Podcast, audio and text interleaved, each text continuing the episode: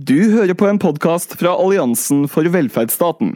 Ja, Hjertelig velkommen til uh, seminar uh, nummer to i uh, vår rekke når det gjelder å problematisere New Public Management. Temaet for dagens seminar er demokrati i trøbbel. Hva gjør markedsstyring og New Public Management med våre offentlige tjenester, og hva er alternativene? Mitt navn er Bengt Karlsson. Jeg jobber på Universitetet i Sørøst-Norge eh, sammen med min kollega Marit Borg og Heidi Haukelien samme sted. Og um, uh, Kenneth Aktander fra RIO. Dagny Andreas, Adriansen og Johansen fra Foreningen for sosialpolitisk arbeid. Gro Beate Odinsen, som er psykisk helsearbeider.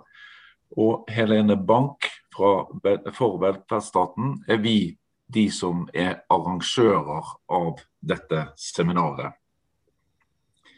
Um, og jeg vil takke uh, alle de som har sagt ja til å innlede, og også de uh, fra uh, politiske partier som kommer til å delta i den avsluttende debatten på dette seminaret. Det som er altså bakgrunnen for dette, er jo at vi ønsker at vi ønsker å fokusere eh, på uh, New Public Management og hvilke konsekvenser det har innenfor ulike felt. Uh, vi representerer både fag-, forsknings- og erfaringsforankrede deler av disse tjenestene. og vi ønsker særlig å løfte frem hvilke konsekvenser dette har. Og I denne sammenheng Eh, ønsker vi altså å se på finnes det alternativ, og eventuelt hva består disse alternativene av. Eh, så da vil jeg bare overlate ordet til, eh, til to av våre andre i komiteen, som skal lede det videre. Dagny og um, Kenneth. Tusen takk til alle for deltakelse, og lykke til.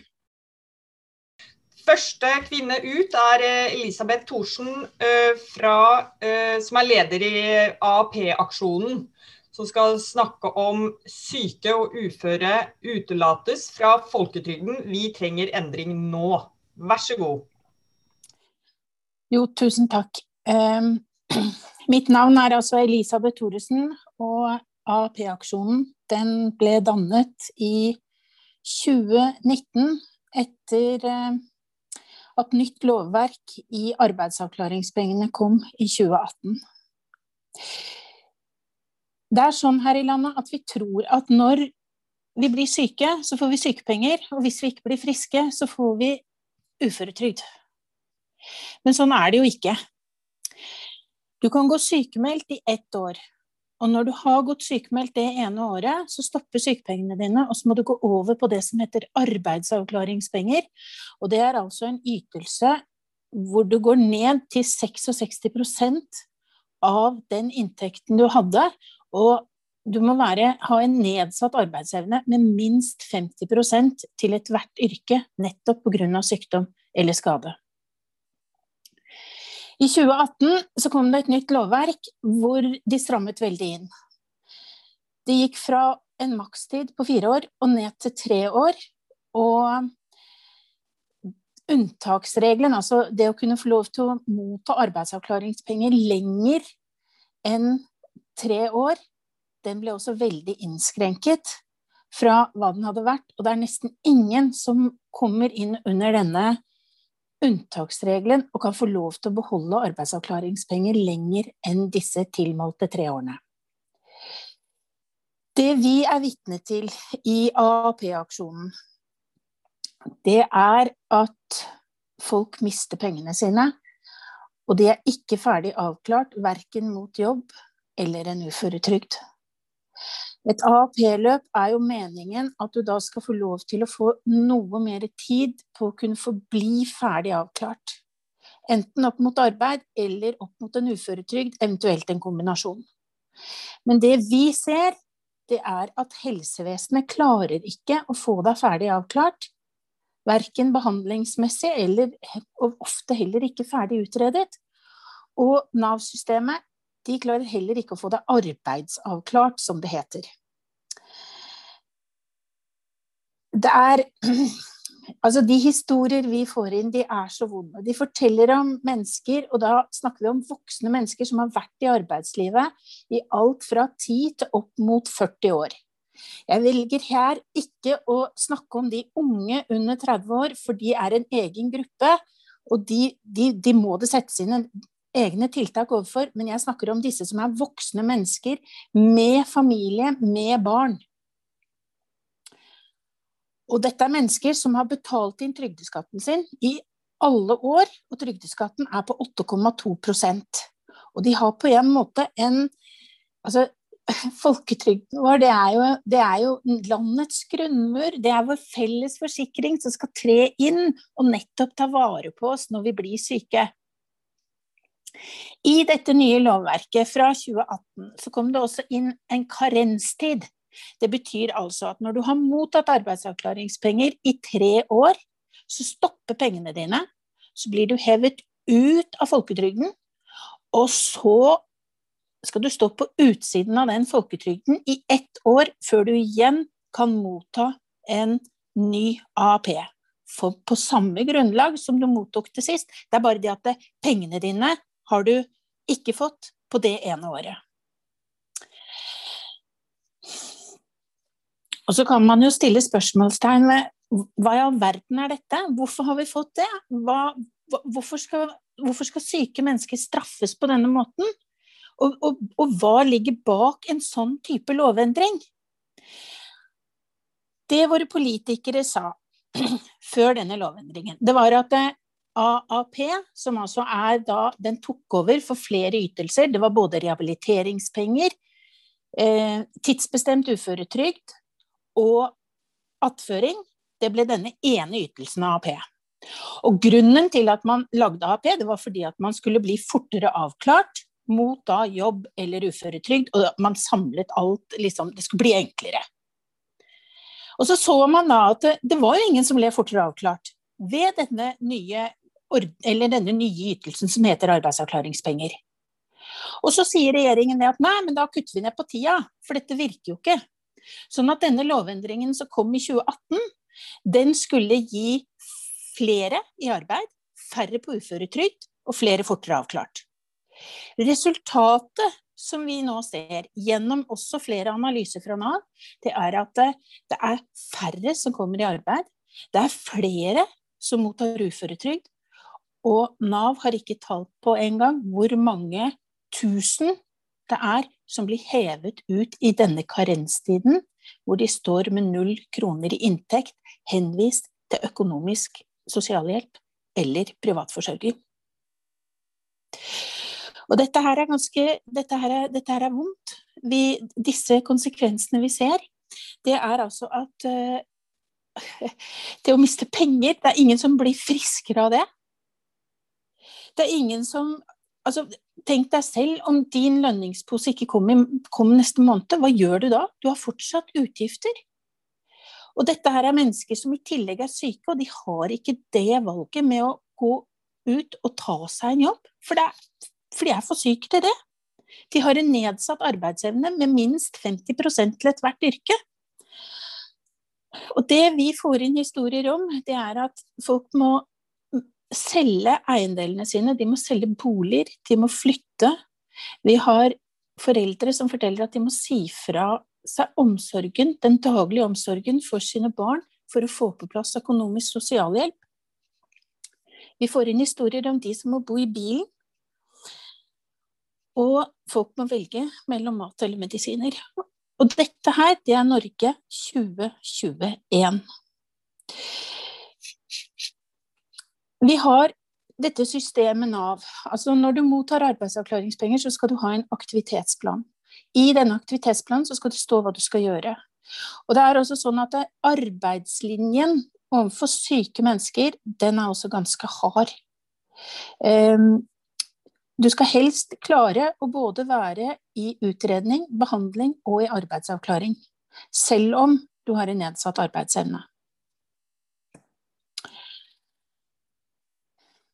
Og når Altså, jeg, det er litt sånn at jeg Det er litt rart for meg å sitte her og snakke til en veldig mørk skjerm, og bare meg selv som sitter her. Så det er Jeg, jeg, kjenner på at det gjør litt med meg. Men eh, eh det, det, vi også opplever sant, i Nav-systemet, det er at de som får avslag Eller jeg kan ta Når du har mottatt arbeidsavklaringspenger, og Nav kommer fram til at du er ferdig avklart, så sier Nav at nå kan du søke en uføretrygd.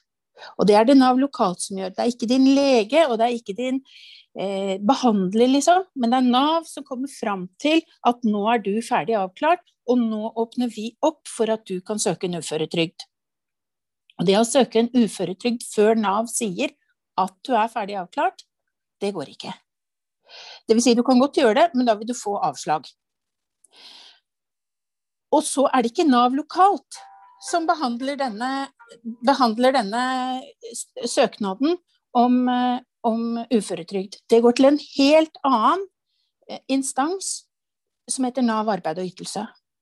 Og Nav arbeid og ytelse de kan komme til en helt annen konklusjon enn Nav lokalt. Og når du da får et vedtak som sier at nei, du fyller ikke vilkårene for en uføretrygd, eh, da stopper også all inntekt. Og da står du der uten penger fra den dagen det vedtaket er kommet. Du kan søke gjenopptak av dine arbeidsavklaringspenger hvis du har tid igjen, men de aller fleste har ikke tid igjen.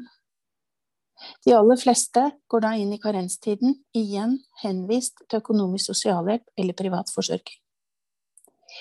De som eier noe, vil ikke få økonomisk sosialhjelp før de har solgt unna sine eiendeler det er vår det, det, er de historier vi får inn, og det, det, vi ser veldig ofte blir praktisert. De som er gifte, der trer ekteskapsloven inn, og så må eh, ektefelle selv eh, forsørge vedkommende, eller sin ektefelle. Sånn at man, hele familien sliter da økonomisk med dette, med dette nye lovverket og denne karenstiden. Um, du kan velge å klage på vedtak, men om du klager på et vedtak, så er ikke det ensbetydende med at du vil få noe inntektssikring på plass. Inntektssikringen din, den er allikevel borte. Og en klagesak i Nav-systemet, den kan ta over to år før den er ferdigbehandlet i Trygderetten. Og da er liksom spørsmålet hva skal du leve av i denne tiden hvor du har en klagesak inne? Det er akkurat som eh, syke og arbeidsuføre mennesker de skal straffes fordi at helsevesenet ikke har klart å gjøre de ferdig utredet og behandlet, og at Nav ikke har klart å få de ferdig arbeidsavklart. Og da skal de straffes ved at all inntekt blir borte. Og dette kan ikke være mye helsebringende. Jeg har også lyst til å legge til at eh, i under denne pandemien, da den slo inn over landet vårt i mars 2020, så var det sånn at de menneskene som sto med kroner null i inntekt i denne karenstiden, med nedsatt arbeidsevne, de har ikke fått en krone av staten i noe støtte. De som alt var syke da pandemien slo inn, har ikke fått noe støtte fra staten, og dette her, det er ganske, det er ganske vondt. Og fra 1. november 2020 eh, så har fortsatt syke og arbeidsuføre blitt hevet ut i denne karenstiden hvor de står med kroner null. Og hver dag så får vi inn nye historier nå om de som mister alt av inntekt og som er syke. Eh, I går var det en eh, var det en mor som tok kontakt med meg. 'Hei, jeg har tre barn. Jeg har eh, gått ut makstiden min på arbeidsavklaringspenger, og jeg får ikke videre AAP. Jeg har ingen inntekt. Hva gjør jeg nå?' Og dette her er rått. Dette her er vondt. Og vi trenger eh, Altså, dette Nav-systemet, det klarer på en måte ikke å følge opp. Eh, og det glipper nok fordi at rammebetingelsene heller ikke er på plass i Nav. Det vi trenger, det er altså et helt nytt lovverk som sier at alle skal ha en avbruddsfri inntektssikring fra man blir syk og til man er ferdig avklart, enten opp mot arbeid eller opp mot en uføretrygd. eller en kombinasjon av arbeid og ufør. Vi trenger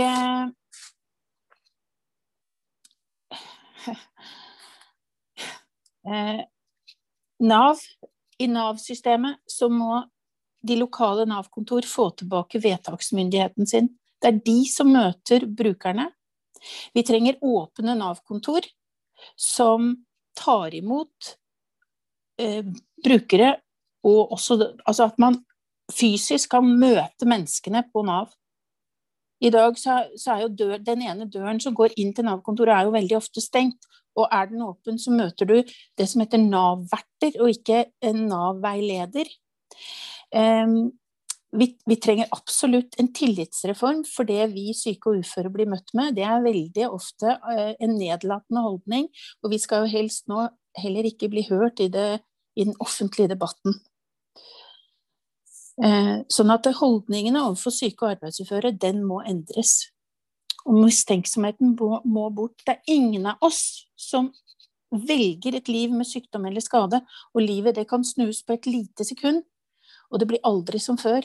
Og du går mye ned i inntekt, du får kun 66% av det du hadde tidligere. Jeg ser at tiden min begynner å renne ut, og jeg, jeg kunne ha sagt så vanvittig mye mer om, om denne urett vi opplever, men jeg, jeg, tror rett og slett at jeg skal sette strek der. Uh, så får det heller komme noen spørsmål i etterkant. Takk for meg. Takk skal du ha, eh, Anne. Det er gjennombart gjenkjennbart det du forteller om det som skjedde, endringen spesielt da når folk falt imellom og, og, og mista alt de hadde. Og sånn har det vel bare fortsatt siden. Eh, neste ut er Thomas Johansen fra Landsforeningen for barnevernsbarn, eh, som skal snakke om fra alle sidene av bordet. Måles det som bør måles? Vær så god. Takk, takk. Eh, hallo, hallo, alle sammen. Eh, jeg heter Thomas Johansen, og jeg er leder i Landsforeninga for barnevernsbarn. Vi er en demokratisk organisasjon som har vært på, på feltet i ja, bikka 24 år nå. Eh, jeg velger å si litt om, eh, om situasjonen eh, i, i barnevernet sett fra alle sidene av bordet. Nettopp fordi at jeg har erfaring fra alle sidene av bordet. Jeg har bodd i fosterhjem sjøl. Jeg har vært forelder i barnevernet. Jeg er barnevernspedagog og har jobba to år som saksbehandler. Eh, jeg jobber nå i andrelinja og har eh, engasjert meg sterkt for det her i mange, mange år.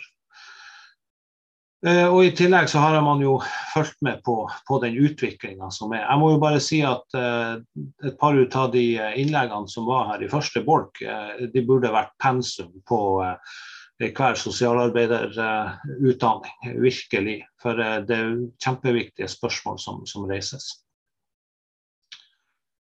Eh, det man har sett eh, utvikling av i forhold til, til det her med New Public Management og, og balansert målstyring ikke sant, innenfor, innenfor barnevernet, det har, jo, det har, jo, ført til at eh, det ofte blir sånn uh, avkryssingsskjema. Eh, det blir ofte 'har du gjort det', OK.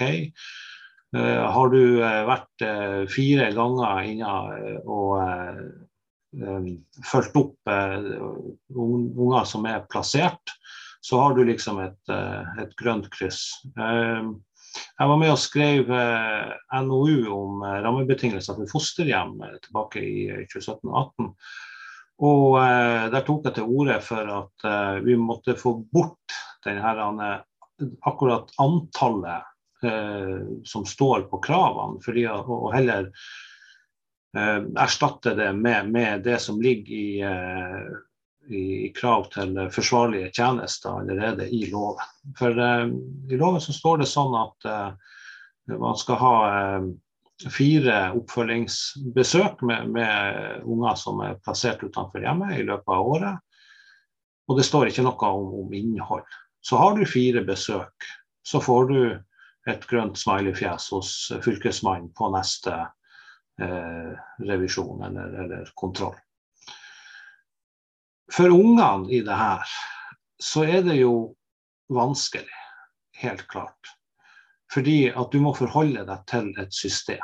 Et system som er Uh, har noen, noen styringsinsentiver uh, som, som, du overhodet ikke har mulighet til å ta inn over.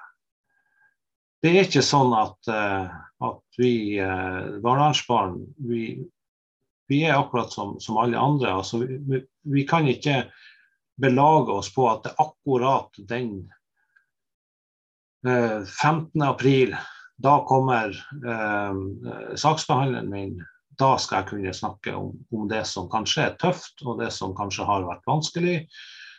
Mine framtidshåp osv.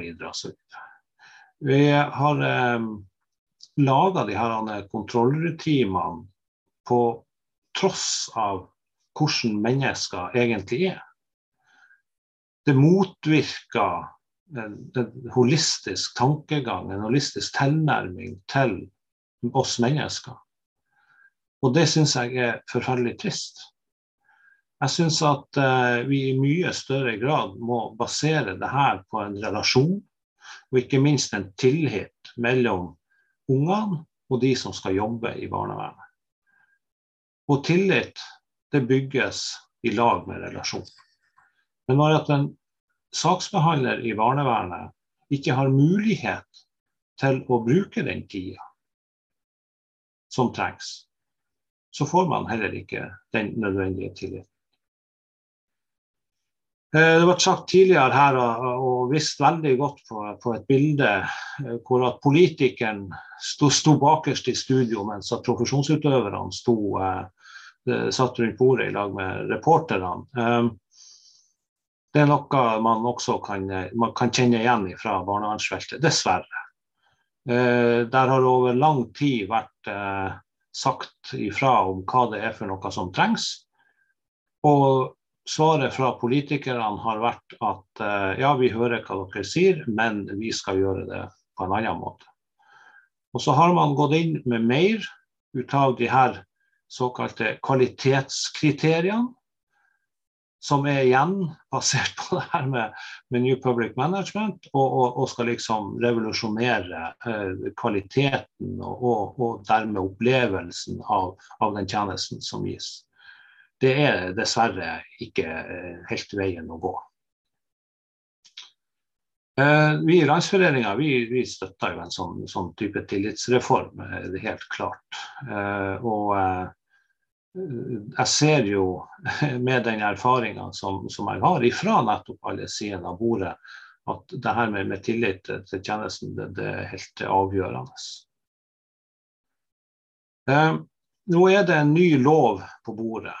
Eh, og den har heldigvis eh, tatt inn over seg utfordringen som er med å bruke eh, ja, si, konsulenter og den, den, type ting i, i tjenester. Eh, fordi at jeg har dessverre altfor mange historier hvor at systemet ikke er rigga nok til at man faktisk er et, et, menneske i systemet. Og sånn som eh, det påpeker tidligere, ikke sant? man kan bli frustrert og man kan føle sånn avmakt av det at det er til å gå til grunne av, rett og slett. Jeg skal fortelle en uh, historie som jeg kjenner godt til. Uh, det er litt i forhold til det her med, med, med hvem som, som, sitter og tilbyr de tjenestene. Og, og, uh, og hvordan kommunene ja, skal jeg skal si, legger seg på rygg i forhold til de som ønsker å tjene penger på det. Eh, en mor, en undersøkelse og et par unger.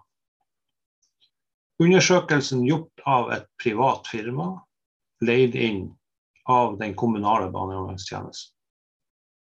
Det private firmaet det konkluderte med at denne mora var i behov av et av deres tiltak et tiltak som de var alene om å ha, og som de mente var veldig treffende for eh, denne mammaen.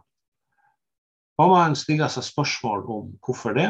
Eh, det fantes eh, likelydende tiltak gjennom eh, det offentlige, og familievernkontoret tilbydde så å si akkurat samme veiledning som, som det var ment at, at altså Som det her private firmaet hadde utreda at denne mammaen var i, i behov for.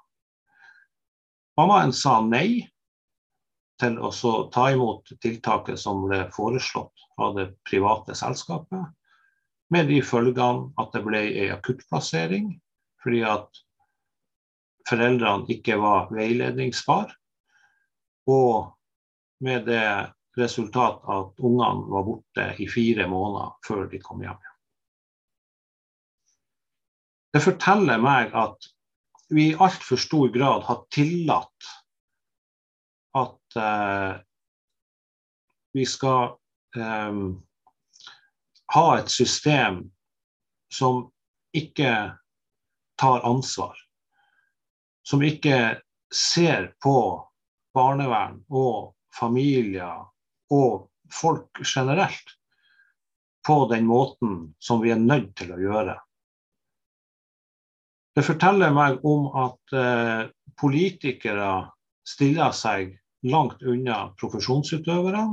Og det forteller meg at profesjonsutøverne i stor grad ikke tør å hevde sin rett rent faglig. Nettopp fordi at man har de rammene som man har, og de rammene som man jobber under. Så jeg er veldig glad for at, eh, at dere har tatt opp de her eh, spørsmålene her i dag. Det, det syns jeg er på høy tid. Jeg spurte sjøl eh, direktøren i, i, direktoratet og, og, politikere og fagfolk eh, under Arendalsuka for eh, et par år siden eh, om hvem det var for noen som egentlig hadde ansvaret for barnevernsbarna. Svaret var ja, det var ikke noe svar. Eh, staten mente på at det var kommunen, kommunen mente på at det var staten. Og i, i tida, ikke sant, mens at vi prøver å, å finne opp og lappe på sant, et, et system som er så gjennomsyra av balansert målstyring at det, ikke, det, det, det passer ikke mennesker. Ikke? Så går livet til de her ungene. Ikke sant? Tida går, de kanskje får eh, enda verre eh, Eh, opplevelser. De kanskje trenger enda mer hjelp når de først er klar til å få hjelp. Og de sitter igjen med et, uh, en opplevelse av et system som har svikta. Det kan ta forferdelig lang tid før at uh, man uh, kommer til det punkt at man ønsker å ta et oppgjør med det. Da har man det på nytt igjen. At eh, kommunene har jo fått grønt smiley hos fylkesmannen og hos eh, kontrollørene. Fordi at de har klart å krysse av på de rette tingene. Så er det spørsmål er det de rette tingene for systemet, eller er det de rette tingene for dem som systemet er satt til å hjelpe. Jeg vil eh, nok heller påstå at den målstyringa er for systemet og ikke for unger og foreldre. Dessverre. For det ser man når man kommer til det punkt at man eventuelt tenker på å søke erstatning. Da er det lettere for kommunen å bruke en million kroner på en god advokat som kan renvaske dem, enn å faktisk si at hør her, Eh, vi har faktisk ikke gjort det som vi skulle. Til tross for at man har fått grønne smileyfjes. Så eh, jeg vil bare si eh, til slutt um, tusen takk for at jeg fikk eh, komme her. Og jeg syns det er kjempeviktige innlegg som har vært. Og eh, ja, vi skal kjøre på videre. og Landsforeninga og jeg, vi gir oss ikke for at vi har fått på plass en tillitsreform. Tusen takk skal du ha, Thomas. Og, og, det du sier med at hvem er det som tjener, uh, altså tjener på det systemet, det sa jo både Linn og Lars uh, noe om. At det er uh, kanskje ikke nødvendigvis de som til enhver tid er avhengig av systemet. Så da skal vi høre på Kenneth fra RIO, en landsdekkende brukerorganisasjon på rusfeltet. Vær så god. Ja, tusen takk uh, for det. Uh, jeg syns det har vært uh, Det blir enklere og enklere å styre disse digitale møtene. Snart så er vi forhåpentligvis ferdig med den driten her. jeg gleder meg til å møte, møte folk fysisk igjen. Veldig, veldig gode, veldig gode innledninger. Jeg vil kanskje starte litt sånn provoserende, da, med dette med tillitsreform uh, og uh, en sånn type idé som jeg, i hvert fall jeg opplever, kanskje ikke det her, men litt sånn i den offentlige debatten, at hvis vi på en måte gir fagprofesjonene nok tillit, på en måte, så, så vil alt bli bra. Jeg Eh, er i økende grad eh, kritisk til tillitssamfunnet. Jeg, eh, og det handler om særlig den siste tida, hvor og jeg sjøl har blitt overraska som, som leder en brukerorganisasjon. Nettopp de avsløringene som på en måte har kommet nå, at folk plutselig blir klar over at Politiet, da, som er jo en fagprofesjon som har operert på rusfeltet, uh, har brukt uh, utstrakt, systematisk ulovlig tvangsbruk overfor, overfor rusbrukere i, i, alle år. Uh, uten at egentlig verken forsvarsadvokater, påtaleadvokater, politi, ikke de personene som har vært utsatt for selv, brukerorganisasjoner, politikere eller noen har på en måte reagert på det. det er alltid viktig å ha et kritisk blikk, selv også, selv også etter en eventuell tillits, tillitsreform. Så jeg ville bare jeg jo bare begynne med det, da. Eh, så skal jeg snakke litt om brukermedvirkning. Eh, og Da tar jeg egentlig utgangspunkt litt i, min hverdag i, min jobb, og litt hvordan jeg på en måte ser, eh, feltet. Vi har noen brukerorganisasjoner, som Anne Grete var, innom, på rusfeltet. Ikke, det er veldig viktig at vi ikke på en måte setter ting liksom sånn, sånn, opp mot hverandre. For jeg mener også at brukerorganisasjonene er veldig små eh, og har egentlig relativt begrensa innflytelse. Og på en måte koker mye ned til enkeltpersoners eh, eh, altså, som, som, velger å på en måte utnytte situasjoner der man har mulighet til å gjøre innflytelse, liksom, mer enn at vi er en stor. Eh, så jeg, jeg, tror at i framtida så vil vi så, så, mener jeg at vi må finne andre måter å organisere oss på sånn at vi blir mer slagkraftige. Jeg tror absolutt at en allianse mellom brukerorganisasjonen og pårørendeorganisasjonen er, på en måte, er på en måte den rette veien fram, når, spesielt når det kommer i universelle rettighetsspørsmål og, og, og sånne ting. da. Uh, I alle fall, uh, så Vi har en organisasjon som heter Alarm. Uh, jeg vil jo nevne den. altså den. Disse organisasjonene er også ganske unge. De ble etablert de fleste liksom på midten av 90-tallet og noen på midten av 2000-tallet. Alarm ble etablert som et type supplerende rehabiliteringstilbud til en tolvtrinnsbehandling, som er en form for altså type kristen, eh, kristen, eh, rehabiliteringsideologi som egentlig kommer fra, kommer fra, USA, men som på en måte har fått sitt eget liksom, norske, eh, norske særuttrykk, hvor bl.a. de aller fleste har forkasta gudsbegrepet sånn.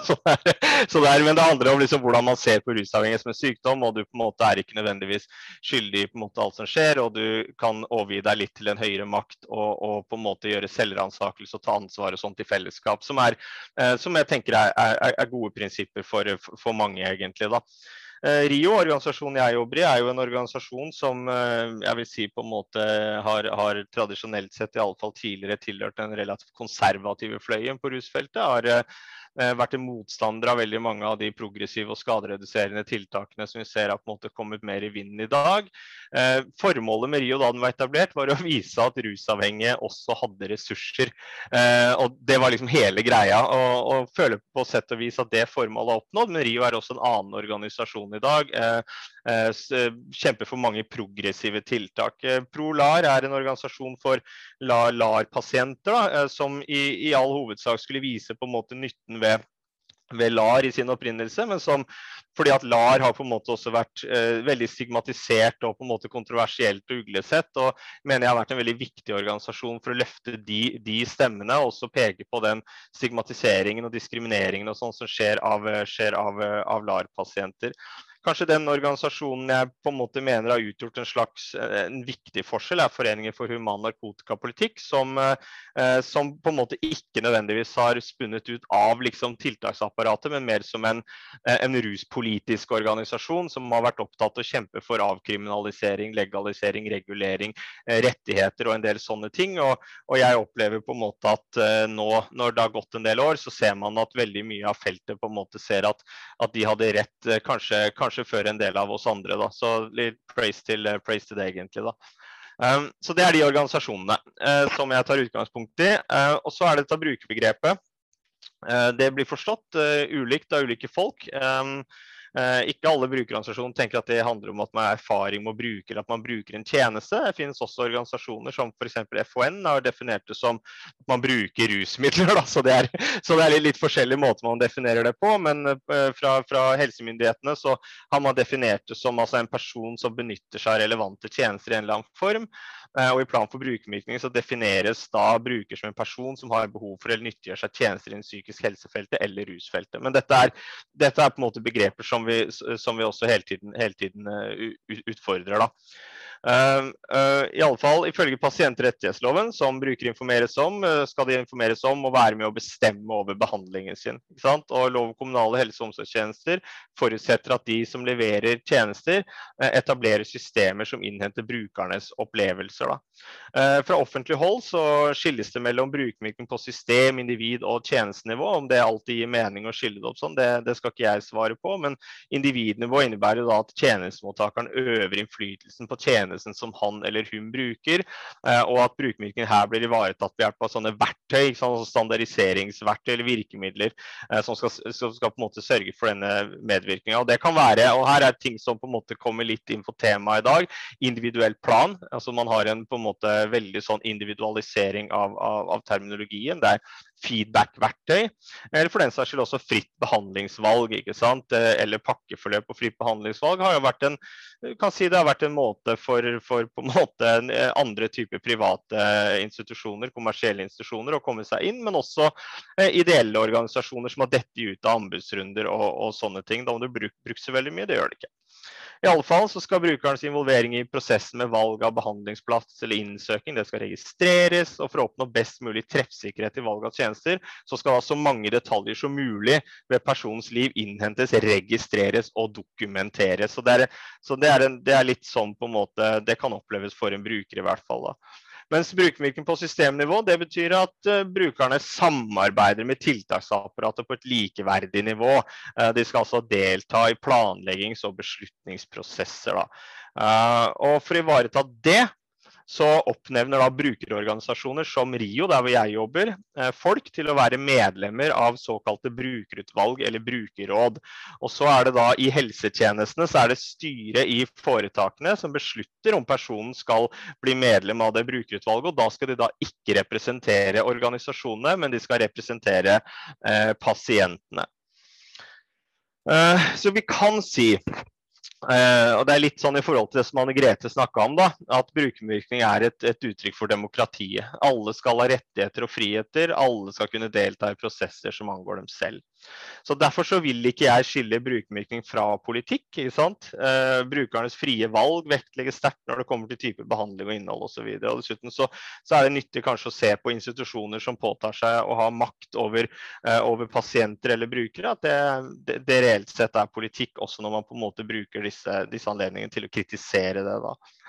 Um, så den kvalitetsmålinga som jeg nevnte i stad, kvalitetsmålinga fra innsida, altså brukernes måte, opplevelser skal, skal, skal, høres, det er allment akseptert i, i, norsk rusbehandling. og Sammen med andre kvalitetsmål så brukes da disse pasienterfaringene til å vurdere kvalitet over tid. Eh, F.eks. brukere som er innlagt i døgnbehandling har besvart sånne brukerundersøkelser som har vært utstedt av helsemyndighetene siden 2013.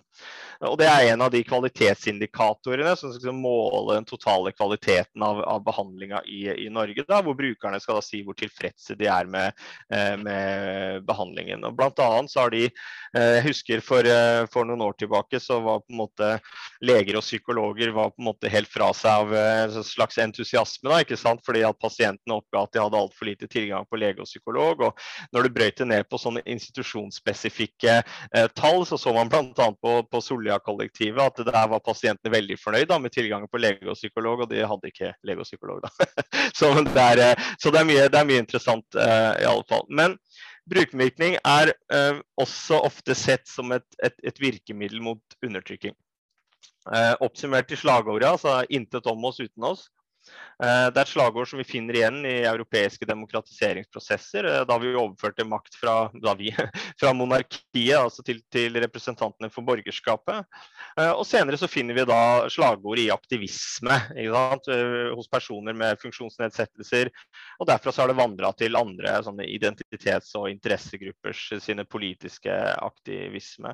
Og vi kan se det ofte igjen i, i, i kronikker, artikler, hvor på en måte brukerne krever å bli hørt. Da. Og særlig så har vi kanskje sett i det, det som Anne Grete nevnte nå, denne rusreformen, eh, hvor, hvor, eh, hvor, dette uttrykket har blitt brukt ofte. Bl.a. en kritikk av eh, den gangen når det ble nedsatt et eh, sånt regjeringsoppnevnt utvalg, hvor jeg, var, hvor jeg ble oppnevnt til å, til å, være medlem, så var det noe av kritikken som kom fra en del, en del personer med brukererfaring, at, eh, at de ønska andre personer også inn i det utvalget enn en, en meg, da bl.a. Ari Knutsen fra Foreningen for human. Så dette er noe som på en måte lever og ånder, og det er, det er veldig bra. da. Uh, samtidig uh, så er jeg litt, sånn, uh, litt skeptisk på et sett og vis også til å se brukermykning som noe sånn frigjøringskamp.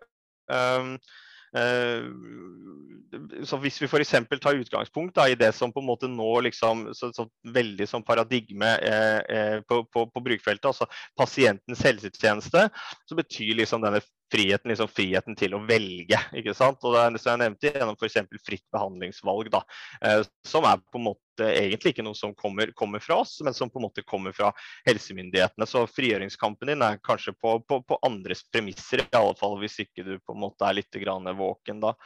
Um, og I noen grad så vil jeg også påstå at brukerrepresentasjon er en slags forlenga arm av embetsverket, og det kan være bra, ikke sant? men der eh, representanter honoreres for å utrede politiske løsninger, delta i anbudsrunder, følge opp implementering av politiske vedtak. Eh, og Eksempler her er da innføring av ulike typer kvalitetsregistre eller pakkeforløp. For, F.eks. I 2019 så utlyste Helsedirektoratet en anbudskonkurranse for brukerorganisasjoner, der formålet var å gjøre innholdet i pakkeforløpene mest mulig tilgjengelig for brukere brukere og pårørende. Da. Og Bakgrunnen var at, at brukerne aktivt skulle kunne etterspørre tiltak og innhold i pakkeforløpene. Um, så er det liksom den tidspunktet hvor jeg på en måte uh, hvor jeg går inn i eh, inn litt sånn der eh, pseudoteoretisk uh, greie, egentlig. Men uh, det er en fransk filosof, da, Michel Foucault, han avdekket med sine analysestrategier hvordan psykiatrien fremfor å være en human institusjonell praksis, som det var gjerne gitt uttrykk for, hadde funnet da nye og mer effektive måter egentlig å kontrollere utsatte grupper på. Eh, og de tesene hans er i dag kjent som en faglig kritikk av kontrollerende praksiser. Da. Uh, i alle fall, da, blir det, da blir det viktig å løfte fram da, marginale, utsatte grupper sine stemmer for å kunne tenke annerledes om og reforhandle, reforhandle praksis og hvordan på en måte makten utøves i tjenestene. Da. For det er grunn eh, til å kritisere praksiser både som har skjedd og som skjer innenfor psykiatri og behandling av rusavhengig, fra tvangsmedisinering på Dikemark til internering av alkoholikere i kurhjem eller arbeidsleier til tvungne urinprøver for ungdom i dag under straffetrussel, eller mer skjulte kontrollmekanismer der sykdomsforklaringer kan låse personer i en identitet som syk pasient, som på en måte oppgaven din er liksom å, å motta behandling. Da. Og Den sistnevnte finner vi både innenfor tolvtrinnskirurgien, som jeg nevnte så vidt i stad, men også da innenfor avhengighetsmedisinen, som har fått, fått, en stor plass. Og for den saks skyld Rusreform 2, som gjorde rusbehandling til en del av spesialisthelsetjenesten og de rusavhengige til pasienter. Og da man fikk pasientrettigheter. Da. Foucault brukte også det begrepet styring, eller governmentality, uh, for å forklare hvordan individer og grupper styres gjennom en sånn type uh, fornuftsforklaring av maktutøvelse, da, gjennom at på en måte dominante diskurser blir uh, internalisert. Jeg skal altså enkelt forklare hvordan det kan skje i praksis. det er en dansk studie som jeg synes var veldig, veldig spennende, fra 2009. Ikke noe sånn stor, men den beskriver hvordan folk som ble innskrevet i behandling for opioidavhengighet, lærte seg at de var kronisk opiatavhengige i den behandlingen. Så det var, ikke, det, var ikke, sånn de forsto seg selv før de på en måte ble en del av, av den behandlingen. De visste det altså ikke før behandlinga. Han bruker også et begrep eh, for biomakt, eh, som handler om at eh, makten på en måte eh, i, i, det moderne samfunnet i, i, stor grad er opptatt av livet og, og menneskene. Da. Den er opptatt av administrering av menneskelige ressurser, befolkningens helse, altså folkehelse, sysselsetting, og hvordan man kan utvide og forbedre livskvaliteten. Da. Og da er disse verktøyene som jeg nevnte, da, disse pakkeforløp og tilfredshetsundersøkelser, på en måte typisk sånn der biomakt, liksom, verktøy eller instrumenter som man kan bruke innafor hvordan makten på en måte fungerer fra det perspektivet. Da. Um, og, og, og, da lager man også gjennomsnitter i befolkninga. Man skaper en normalitet. Eh, liksom, hva er det som på en måte er normalt, hva er det som er unormalt? Og så skaper man disse avvikene, og rundt det så bygger man opp institusjonene. Og innafor der mener jeg at egentlig i stor grad brukerorganisasjonene har på en måte oppstått. Eh, og, og, kanskje derfor har vært litt hemma fra å, å klare å se kritisk, eh, kritisk, eh, kritisk på det. da. Så jeg vil være forsiktig med å påstå at brukermedvirkning egentlig fungerer veldig godt alltid som et, et demokra en demokratisering og, og, og, som en kritikk av, av, av, av makt, egentlig. Da. Så det er veldig ofte så handler det om registrering og på en måte kvalitetskontrollering. da. Um, den styringskunsten som jeg nevnte utfordres heller ikke av foreninger som definerer seg som supplement til offentlige tjenester, eller som driver opplæring, innsiktstrening, forebygging, rehabilitering.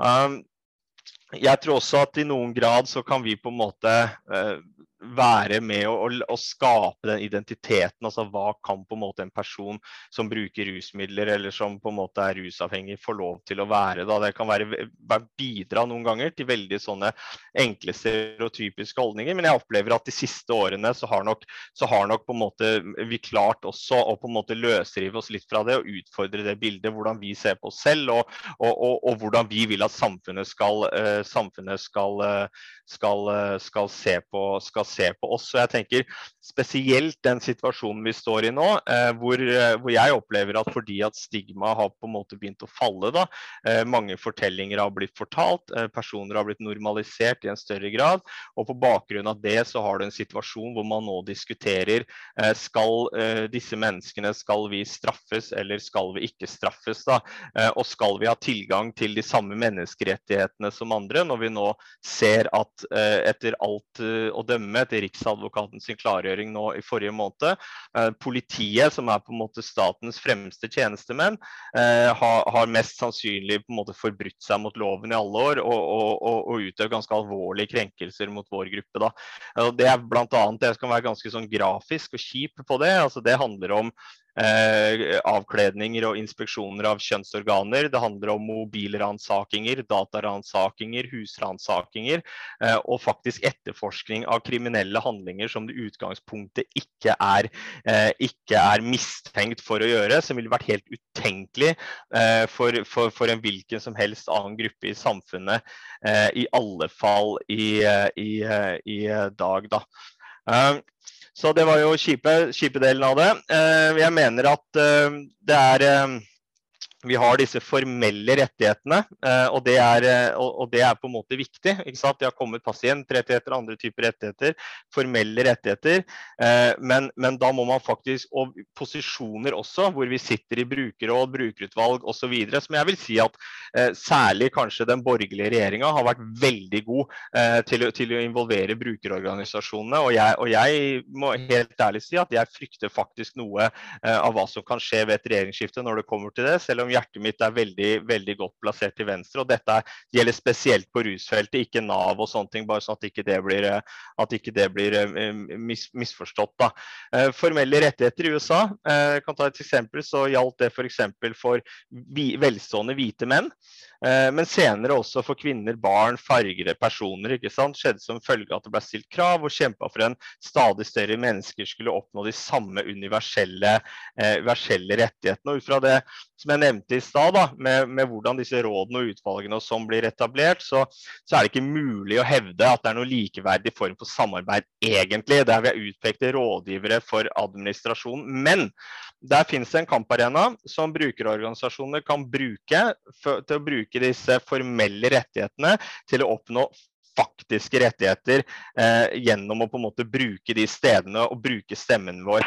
Eh, så det handler om å, å liksom ta, ta, makt. Da. Og, og, det er det jeg kommer tilbake til. Det er liksom det, sånn jeg ser det, så er det ikke nødvendigvis at det er så veldig mange sterke organisasjoner eller noe sånt noe på, på, på, vårt felt, uh, men det er en god del enkeltpersoner som har på en måte nerda seg opp over veldig lang tid liksom, og har lært seg uh, å bruke noen av de arenaene for, uh, for å ta, for å ta, ta makt. da.